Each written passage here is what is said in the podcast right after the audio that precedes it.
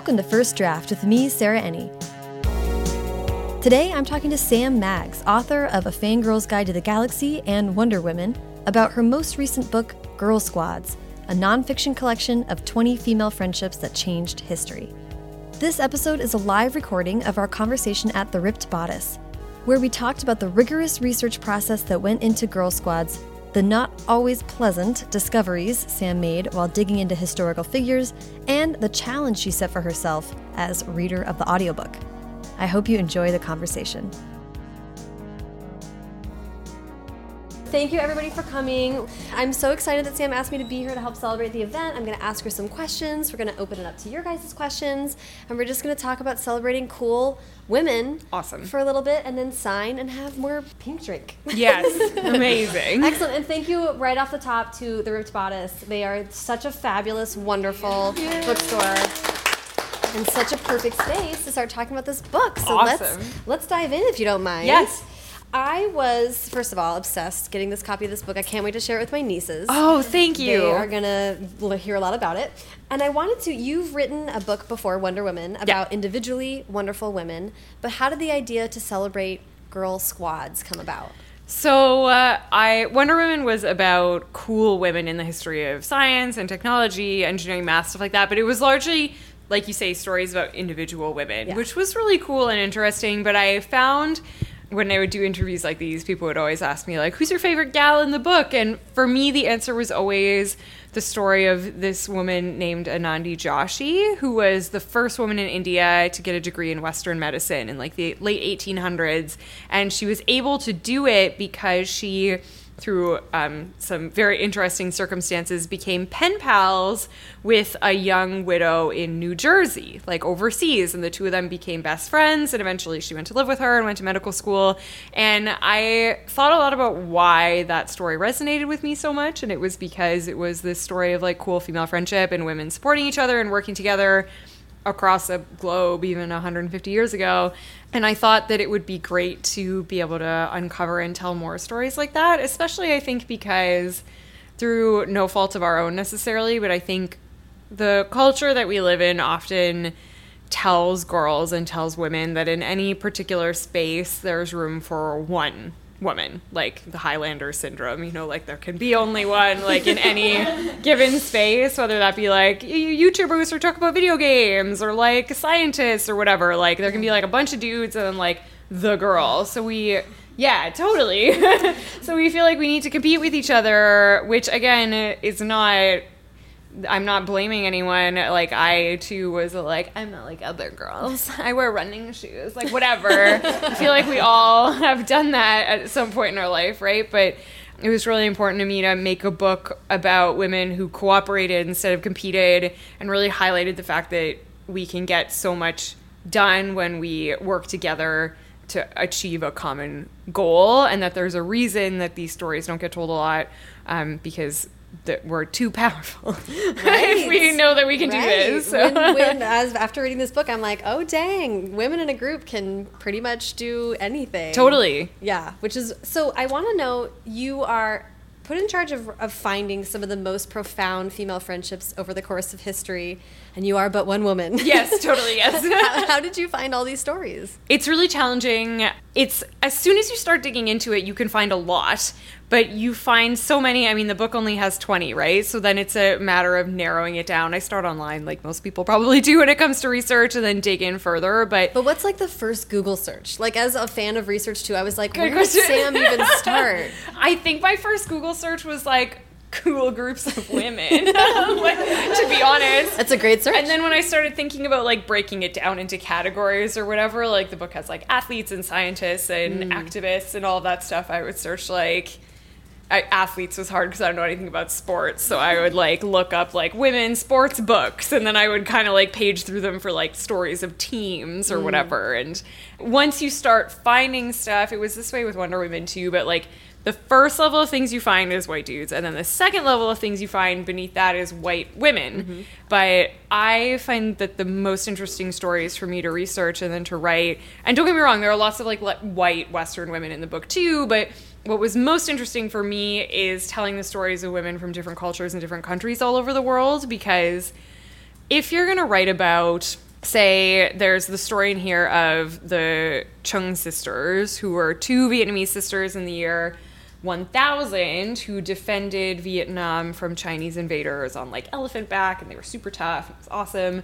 But you can't know why that's important unless you understand the political situation between Vietnam and China in the year 1000 and what was going on for women's rights in Vietnam in the year 1000, all this stuff. And like, I don't know about you, but I did not know any of those things um, at all, or like I didn't know anything about Iran in the 1920s, or about medieval France, or about you know Afghanistan now a little bit to be honest which I think is like I grew I grew up in Canada but I think a lot of the North American education system as we grow up focuses so much on North American history to the exclusion of world history. So I was already starting from a point of ignorance on a lot of this stuff which I think probably a lot of other people are as well. Um, and also you just you can't know everything about every place Mm-mm. at every point in history. So you're bound to have gaps in your knowledge, even if you are super knowledgeable about um, history. So for me, yeah, it was finding out the cultural context of all of these stories is like my favorite part. So how long you like you say you have 20 stories yeah. of girl squads, but how many words on average is a chapter? Did you have a limit? They are longer than the stories in Wonder Women. Yeah. I think the stories in Wonder Women were like three to four thousand words, okay. and these tend to run six to eight thousand words. So they're about double the size of the stories in Wonder Women, which makes sense because those were about right. one woman and this is about a group. So I had to spend a little more time. It was still like I was reading like the Vietnamese sisters yeah. were one in particular where I was reading it being like Oh dang! I didn't know any of this, and didn't you provided so much context for thanks. Like, and then you were like, um, this is a story that we don't know. We have to give like some leeway. This is um, these are um, oral traditions versus written fact. I mean, you really like gave. I was reading it, being like, oh my gosh, we are seeing just such a tiny sliver of the amount of research that Sam did for this. Yes, that's absolutely true. um, it's my favorite. Th- this sounds like really weird, but it's my favorite thing to talk to people about doing the research for these books because a lot of the times there's a lot of like facts about yeah. these women or whatever that have gotten like spread online and then have like wound up in books because it turns out like you can just write a book. nobody checked this. I checked this. Like nobody. That's it. Like I could put whatever I wanted in here. Essentially, um. There's so no you peer really, review for no. Wider you really publishing. have to be like self-responsible, and some people aren't as thorough as they maybe should be. They only use one source, which is not great. So like stuff ends up in books that's like just on Wikipedia and is super not true. The story I always tell, this isn't a Girl Squad story, but I'm going to tell it because there's a book about her in this store that I bought this morning. Um, so in Wonder Women, I told the story of Mary Bowser, who was a black woman during the Civil War. She was born free and lived in a white house- household who happened to be the household that was like the center of the spy ring for the Union Army. So they sent her away because it was illegal for black women to be educated or even to be literate at that time in the South, which was bananas. Sent her away. She was educated. She came back and she worked as a spy also for the Union Army. So she was placed in the Confederate White House. And because everyone in the Confederacy just assumed that she was illiterate, they would just like let her go everywhere to like dust shit. And then they would leave the room and she would like read all their secret documents and stuff. And then she would go back home and be like, here's all the shit they're planning. And they'd be like, thanks, that was easy.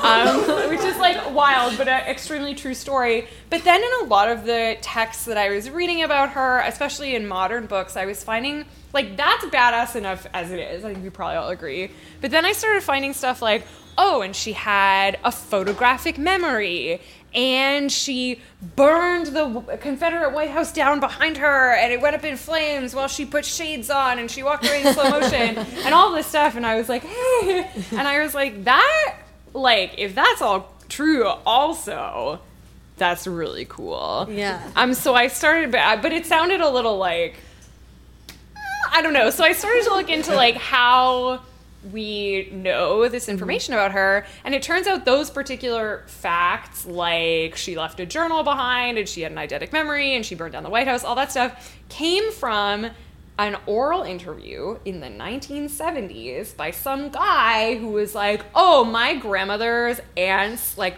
best friend totally knew her." Let me tell you the story that I know about her. Wow. And that's where the, that information comes from, but it's in like every book about her.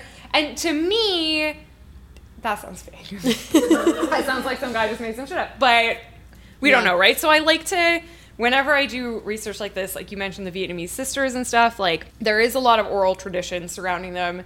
But I like to be clear, I think it's just so important to realize that any research you do about anyone it's coming from a biased perspective. Even if it's like a biography that was written in 1800 and you think it sounds super serious, you have to recognize that typically like that's a dude from the year 1800 writing about a woman from what perspective is he writing? What is he trying to say about her when he relays these facts about her? What is this newspaper article from the 50s trying to say about this woman who had a job instead of staying home? You know what I mean? Mm-hmm. It's easy for us to think like, oh, it's in a book, it's a fact, but it's like you always have to kind of think about who is writing it. I mean, I obviously have a perspective when I'm writing this, you know what I mean? So right. it's you have to think about where that information comes from and what it's trying to say and then try to piece together from all of those sources with all of those backgrounds the best truth I suppose that we can as we see it today. Yeah.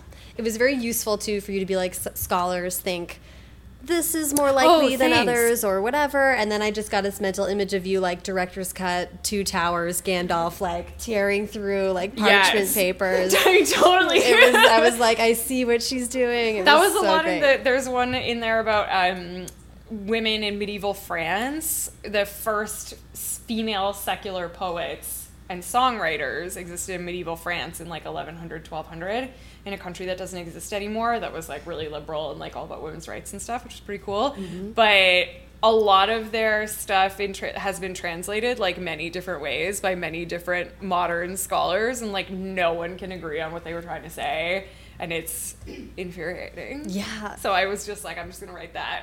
That's- it's infuriating. and that was that was the, the reason I asked about word count too is that you do a great number of asides that are Oh, like you you are a narrator of this book. You know, it feels like we're learning history from from Sam like on TV or whatever. You're like the uh, ahead of the trend on browse or whatever. Yes, I was thank like, you. I feel like I'm hanging out with Sam and learning really cool facts. So well, I'm great. happy to hear you say that because, like, I think history is super interesting.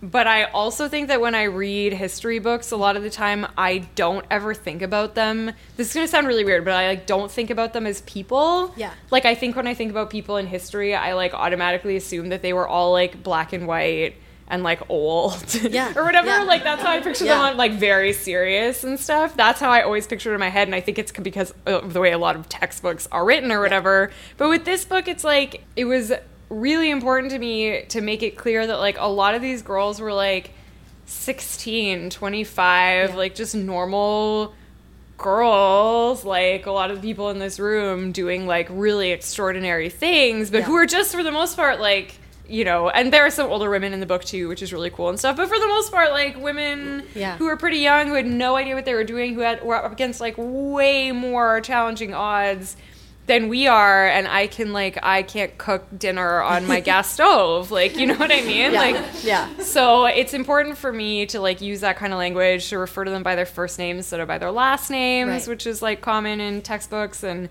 you know, it's definitely a very particular voice that I write with, but I want it to feel like I'm talking to you. And if that doesn't work for you, then that's totally okay, and I understand. But the hope is that it will help people relate to the people in the book a little easier. Yeah, it makes like history come alive and feel relevant. I think, Thank especially you. for the exact audience of this book, which, like I said, is my nieces who are getting Perfect. several copies of this for Christmas.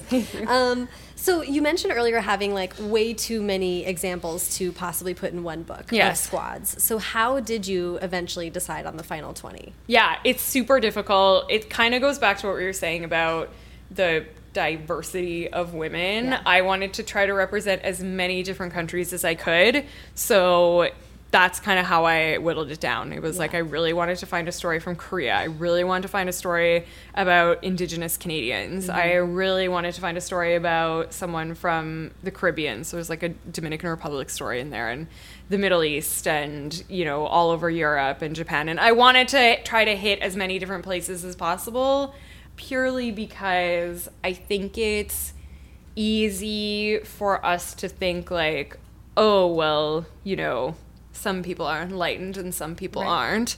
But that's not the case at all. We're all shitty. Yeah. We're all assholes, especially to women. Yes. Um, so well this is my this is my other question was like this was was such an impressive book because I thought it was so such a great example of like listen women have been extraordinary all across the globe for all of time like Yeah. that is true and also men have been exceptionally shitty all across the globe for all of time like misogyny has been rampant since the get Yeah, so yeah, yeah. I, and I in the, there was a couple, there was one chapter in particular where you're it's um, Iranian history Yes. and you're like listen you quote Charles Darwin being a total douche and Yeah. a couple other quotes you're like do not think that I'm trying to say that Iran is Yeah. any different than any other country That one especially. First of all, I'm glad to hear you say that. Um, actually, I got a note from my editor being like, um, one of the comments we got about Wonder Women was that you're like, you're too mean about men. Can we just focus on like the positive and be like a little less mean about men in this one? And I was like, yes, we can. No problem. I will talk less because also screw those guys. Like whatever. I'm happy to talk about how awesome the women were and focus less on all of the dudes who tried to stop them from doing what they were doing. So yeah, I tried to like rein that in a little bit, even though it's definitely my instinct. Yeah. Um, but the Iranian one especially was like because we're talking about Iran in the 1920s, um, the start of like a lot of political progressivism for Iran, but also um, in a way that was like forced westernization that didn't sit well with a lot of people there. Um, so that one I talk a lot about how even like the women there did not agree about Yeah. the right way forward, which I think was an important point to make is that women do not think as a homogenous whole about what is the best way forward. A lot of women in Iran did not like compulsory deveiling because they felt that it totally missed the point of Yeah. you know choice for women because it just made another choice for them. So mm-hmm. but especially in the Iranian chapter, and I was talking about the history of Iran and the history of women's rights in Iran, it, I felt like as a Western audience, it would be really easy for us to read that chapter and be like, these people, what right they we're know? so different in some way Totally, but it was at the same time that all of these guys in the 1800s in Iran were like being like women can't sit in government and like women should stay home. That like you say, like Charles Darwin was like women biologically have small brains And can't make choices for themselves and can't make choices. So it's like it was the same shit, different place. Like you know what, different and you know different um, excuses. Like in Iran, they were using you know Islam, and in England they were using the Bible. So it's just like it's all the same Or science. shit. Or Charles science. Darwin was totally a science like, guy from what I same know. shit, different places, right? yeah, totally. So yeah, it was really important for me to highlight that. And it is yeah. difficult. I want to like be super aware too that I try to be as respectful about all these places and their histories and their cultures as I could be. Yeah. I'm super white, so hopefully I did an okay job. I, well I'm super white as well but Great. I, I Well, yeah, yeah, it read pretty great to me Okay. Thank, well, thanks. um, uh, in writing questions about this, I found it to be too easy to be like, "What's your favorite this?" or "What's your favorite that?" And I'm actually like, as a fellow moderator, I have to say, I'm trying so hard to not use that word ever because it's Favorite. so- Oh, that's interesting. Yeah, because it's um, very misleading, and you can never really walk around knowing your favorite of anything at any point. And So true. People's opinions change on everything all the time. Yeah. So when you're talking about this book with people and about Yes. this project, what are some of the stories that you go back to and love talking about? More? That's a great way to ask that question, first of all. Thanks. That's super great, and I'm going to remember that Yeah, for my that, own please. stuff, too. the story that affected me the most emotionally when I was writing the book was um, the very last story in the book, Zohra. It's an all female, it's Afghanistan's first all female orchestra, and it exists right now. Um, and their story was so inspiring and like the hardship they go through because I didn't know this. Again, pardon my ignorance, but not only has Afghanistan had a difficult time with regard to women's rights, um, the Taliban also banned music. Was so this combination of women as professional musicians is like this cultural firestorm there on like a whole other level and it was super interesting to hear their story.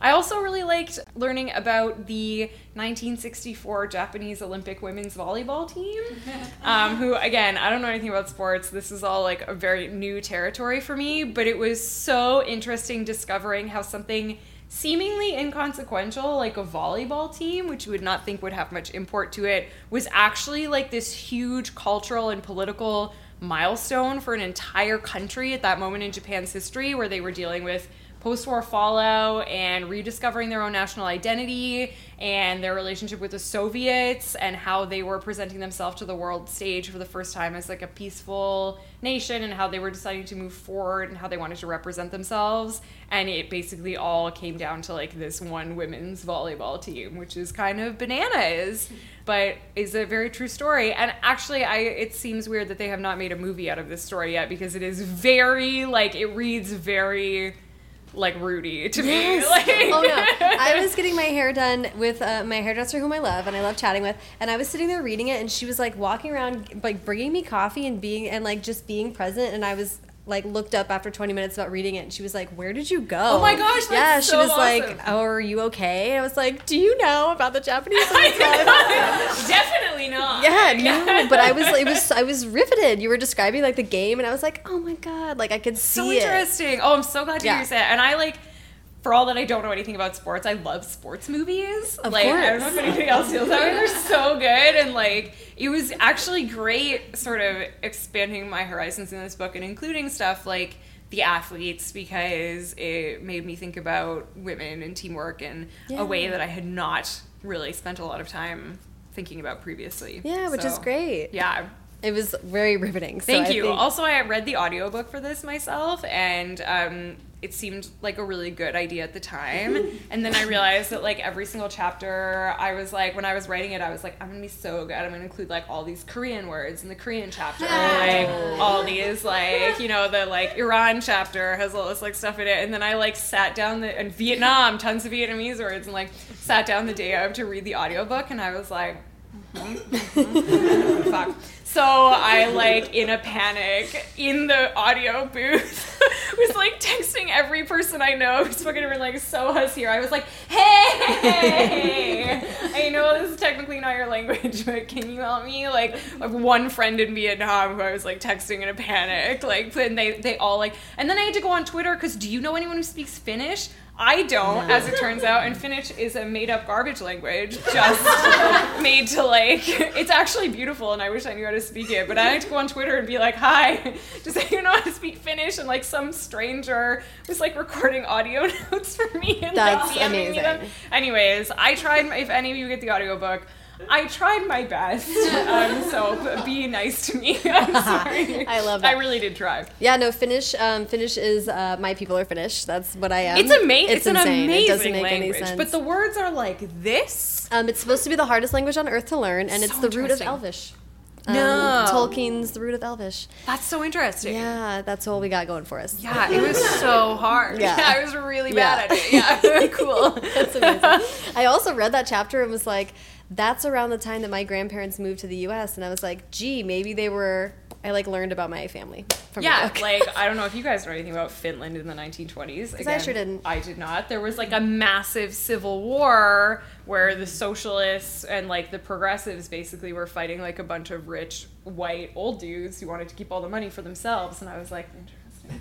Um, and unfortunately, they won. Yeah, the rich right old dudes definitely won, but not for long. Eventually, you know, they they lost as they always do, but for a moment a lot of people died there. Yeah. Yeah. Yeah, I was like, dang, I, I guess my family got out of got out of Dodge. That's super interesting Yeah. though. Yeah, because there was a lot of immigration because of that. yeah, So there you go. Yeah, they went to Michigan. Well, there you go. So I want to know what the what the hardest squads were to research, and then I want to talk about the illustrations, and then we'll get these guys questions. Okay, yes. Hardest squad for sure was Salomé Ureña, who was the Dominican Republic's first national poet, which is pretty cool. Not their first woman national poet, but their first national poet, period. Wow. So pretty neat. Um, the Dominican, uh, very fraught history with Haiti and with colonial powers and everything. And so she wrote a lot about. Um, uh, patriotism and finding a national identity for her country and opened the first school for women, like the secondary school for women in the Dominican and the first teachers college and all this stuff. She was really great, but nobody's ever really written about her in English. Uh, pretty much all information about her exists in Spanish. So I don't. I'm Canadian. I don't speak Spanish at all. So that was really tricky. Um, The Finnish one was also really tricky because Yeah. again, not a lot of information about that time period really exists in English. So, and Japan also, a lot of that stuff doesn't make it out of its like original language. Right. So, for a lot of those chapters, I had to employ translators for a lot of the material.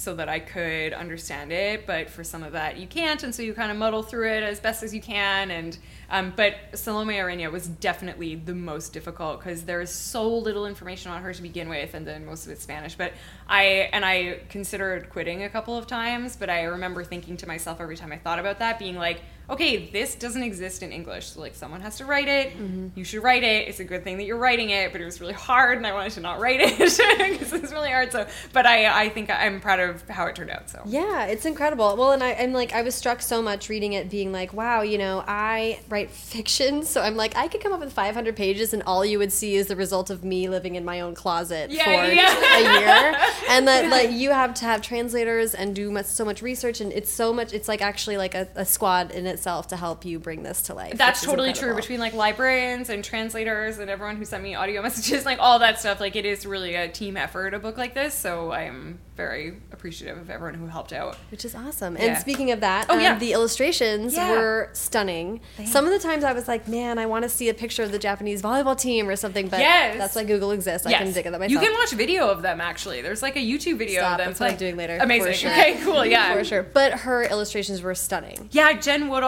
illustrated the book. She's also from Toronto like me. I've known her for like the better part of a decade. Um, my publisher found her totally independent of me. She's awesome.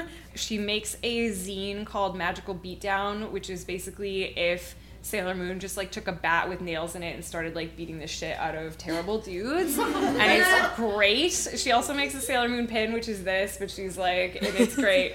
but yeah, Jen's amazing and her art in this book is super good. And I feel like a lot of people don't know this who don't publish. You know this authors don't have any input into the title, the cover, the illustrator, the book design, like nothing. Like I give them a Word document and I get back that. So uh, if you don't trust your publisher and your book designer and stuff, it can be like extremely stressful because you don't know. Like I tell this story all the time, but when I was writing Fangirl's Guide, the only place that I sent the manuscript to was Quirk Books, mm-hmm. who also published this book and Wonder Women, because I had seen in a bookstore. Like the only real comp to Fangirls Guide at that time was a book called like Geek Handbook or like something like that. And it, they spelled Doctor Who through the whole book Dr. Dot Who, and the front cover had Sheldon on it. And I remember thinking, "This is my worst nightmare, and I will throw myself off a bridge if this happens to me." So I was like, "I'm only submitting to a place that I know can actually like know what to do with this and mm-hmm. they did thank goodness and they continue to know what they're doing andy reid is the book designer on this and like every like if you flip off the cover of this like every time they make a like even stuff you don't think it's of on seeing the actual book yeah it's great and those so are all of jen's cool. illustrations like they do such a good job with it so i am very i heard yeah. that it was very difficult to typeset the title of this book because apparently q is like impossible to find a font that it looks like a Q and not something ugly. So I learned that uh, wow. making this. Yeah. So anyway, stuff I would never think about, but I feel very lucky that they make a really beautiful looking gift book. That being yeah. said, if you want the audiobook, I also read it. yes. Hey. Oh yeah, we are now going to do audience questions. Uh, uh, we haven't forgotten you guys. Um, so yeah, so go for it. Does anyone have anything for Sam? Hi. Yeah. yeah you were talking about your editors wanting you to be nice to the dudes. Yeah.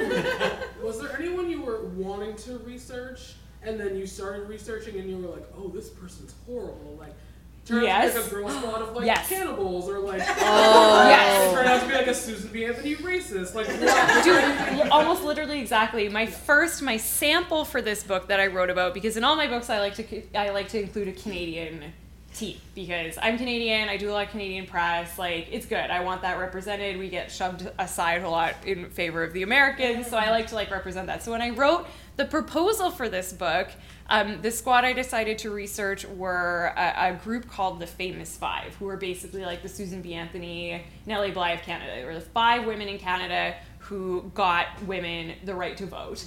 Um, and so I was like, yeah, that's gonna be awesome. They lived in like a city that I used to live in, in Alberta, which was awesome. I was like, I can go to her park, like it'll be great. Super stoked on it. Started researching it. Yes, amazing. They definitely fought for women's rights. Also, they were eugenicists who wanted to sterilize all black and indigenous people.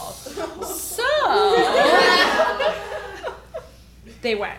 They did not make it into the book. Yeah, they Yeah, did not yeah. go. But that's a great question um, because a lot of the times, even today, being a like supporter of women's rights does not mean that you are like a good intersectional feminist. Um, you could be a white feminist, like they were. So that yeah. That was a bummer to find out, man. that sucked. Yeah. I was like, man, I thought these chicks were cool, but they weren't. Anyway, Yeah. great question. Yeah. that is a good question. Such a bummer. Anything else? Hi. Yeah. Uh, kind of related to the previous question, were there any awesome girl squads that you just started researching and were very excited about, but just couldn't find enough, enough info, or oh, I don't know, like you, you said you wanted to focus on diversity. Yeah. Uh, but like, if you were super super excited about someone, and just not enough info, like what other things stopped you? I guess from Honestly, that happened to me so frequently that I can't even recall a particular group. just the lack of info. It's just a lack of info. Like it, I would, I would put together like a short list basically for every um, theme. So I would have like 20 athlete squads that I would want to investigate.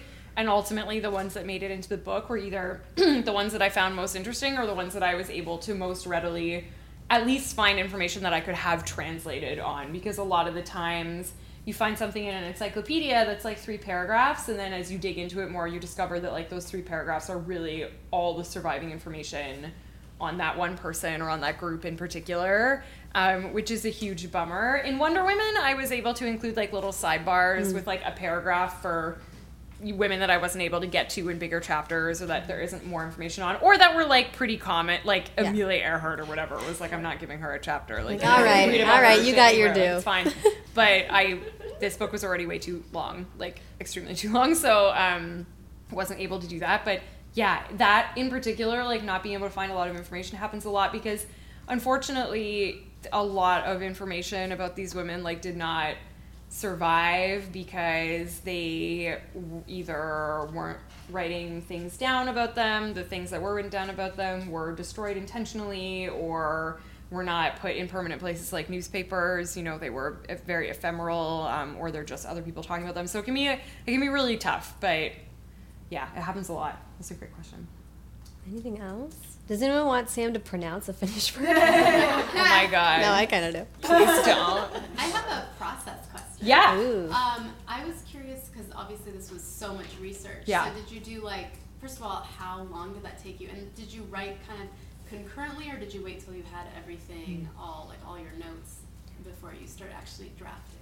Yes. This took me less time than Wonder Women did because I already had kind of like a process down for Wonder Women, so I was able to just kind of like bang it out a little bit easier. I wasn't trying to like figure out what I was how I was doing it, but I do all my research first.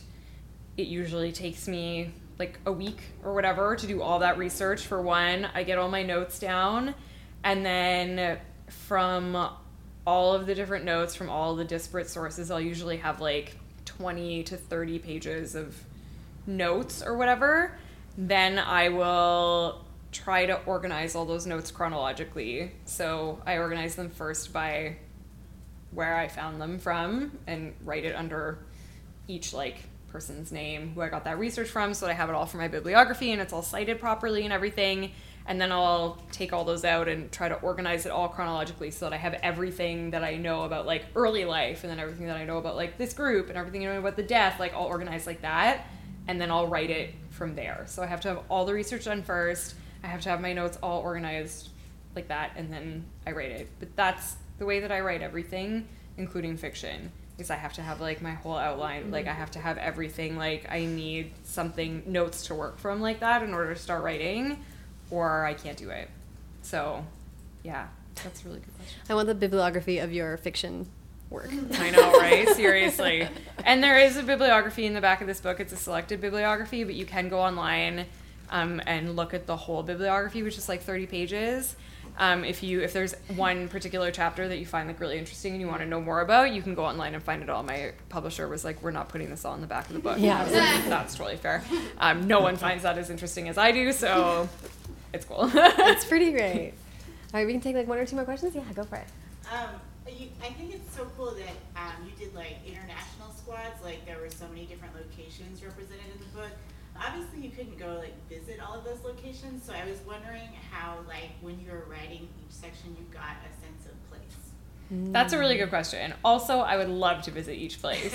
So uh, call my publisher. um, I think for a lot of them, I tried to read as much as I could, not only about the particular people that I was researching, but just more in general about the country, that time period, also what was going on contemporaneously in the world because it's really like it's really easy to get myopic about like Iran in the 1920s without thinking about like what was happening at that time in America in the 1920s and like Japan in the 1920s like it all works together to inform that. So I spent a lot of time like I would look through like if there was a magazine from which I was getting an article about the Haenyeo, for example, the Koreans, I would read through the rest of the magazine or whatever to try to get like an idea of how that felt and yeah. a lot of pictures, a lot of video. I mean, we're lucky that YouTube, like, you know what I mean? So it's easy for me to, like, the Haenyeo example is like, they are still alive, many of them, and like, people have filmed them now, so you can, like, go and watch that. I could watch the 1964 volleyball game. I can look at original drawings of, like, the sisters from Vietnam, that kind of stuff. So, yeah. But I, I it would be cool to go to all these places. Yeah, the Girl Squad World Tour. Yeah, that would be pretty sweet. That was super, this was super fun. Yeah. Thank you so much, yeah. Sarah. Are you guys are you gonna sign everybody's books? Yeah, yeah, yeah. Totally, totally. I don't think we need a structured system. We'll just be hanging out and drinking, and Sam will be signing books. Amazing. Amazing. I love it. Thank, thank you guys so much for coming. so to all of you. And thank you, Ripped Bodice. Thank you, Ripped Bodice. Yay! All right. Thank you so much to Sam and the Ripped Bodice. Follow her on Twitter and Instagram at Sam Maggs, and follow me on both at Sarah Enni and the show at First Draft Pod. For links to everything Sam and I talked about today, check out the show notes for this episode on firstdraftpod.com. While you're there on the website, you can also find other cool things like a link to a Google Doc that is an archive of every writer who's ever been on the show. There's been more than 150 episodes at this point, so odds are you'll find something interesting in there. You can also find a link to subscribe to my infrequent and not at all annoying newsletter. That bonus comes with tons of podcast recommendations. And you can find an events page where I list all the stuff that I have coming up, including events like the one I recorded for this episode and or the events that I'll be doing to talk about my upcoming debut novel, Tell Me Everything, which is coming out on February 26th. If you like what you heard today, please subscribe to the podcast on Apple Podcasts or the app of your choice, and leave a rating or review on iTunes. That helps other people find the podcast and it earns you my total devotion. Haley Hirschman produced this episode. The theme music is by Hash Brown, and the logo was designed by Colin Keith. Thanks to super intern Carter Elwood and transcriptionist at large Julie Anderson. And as ever, thanks to you, Squad Superstars, for listening.